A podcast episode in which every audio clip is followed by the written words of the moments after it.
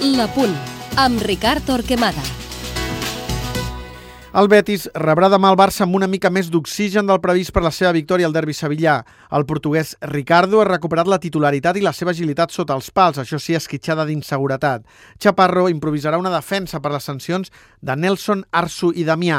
L'eslové Illich, sense ritme de competició, ocuparà el lateral dret i Fernando Vega protegirà l'esquerra amb velocitat i agressivitat.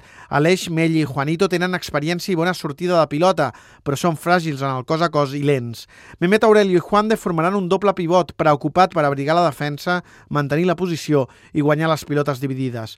Per davant, Sergio García desequilibra des de la dreta, explotant el seu canvi de ritme, talent i habilitat en les maniobres. S'associarà bé amb Bemanà, de gran qualitat tècnica, extraordinària conducció i arribada contundent.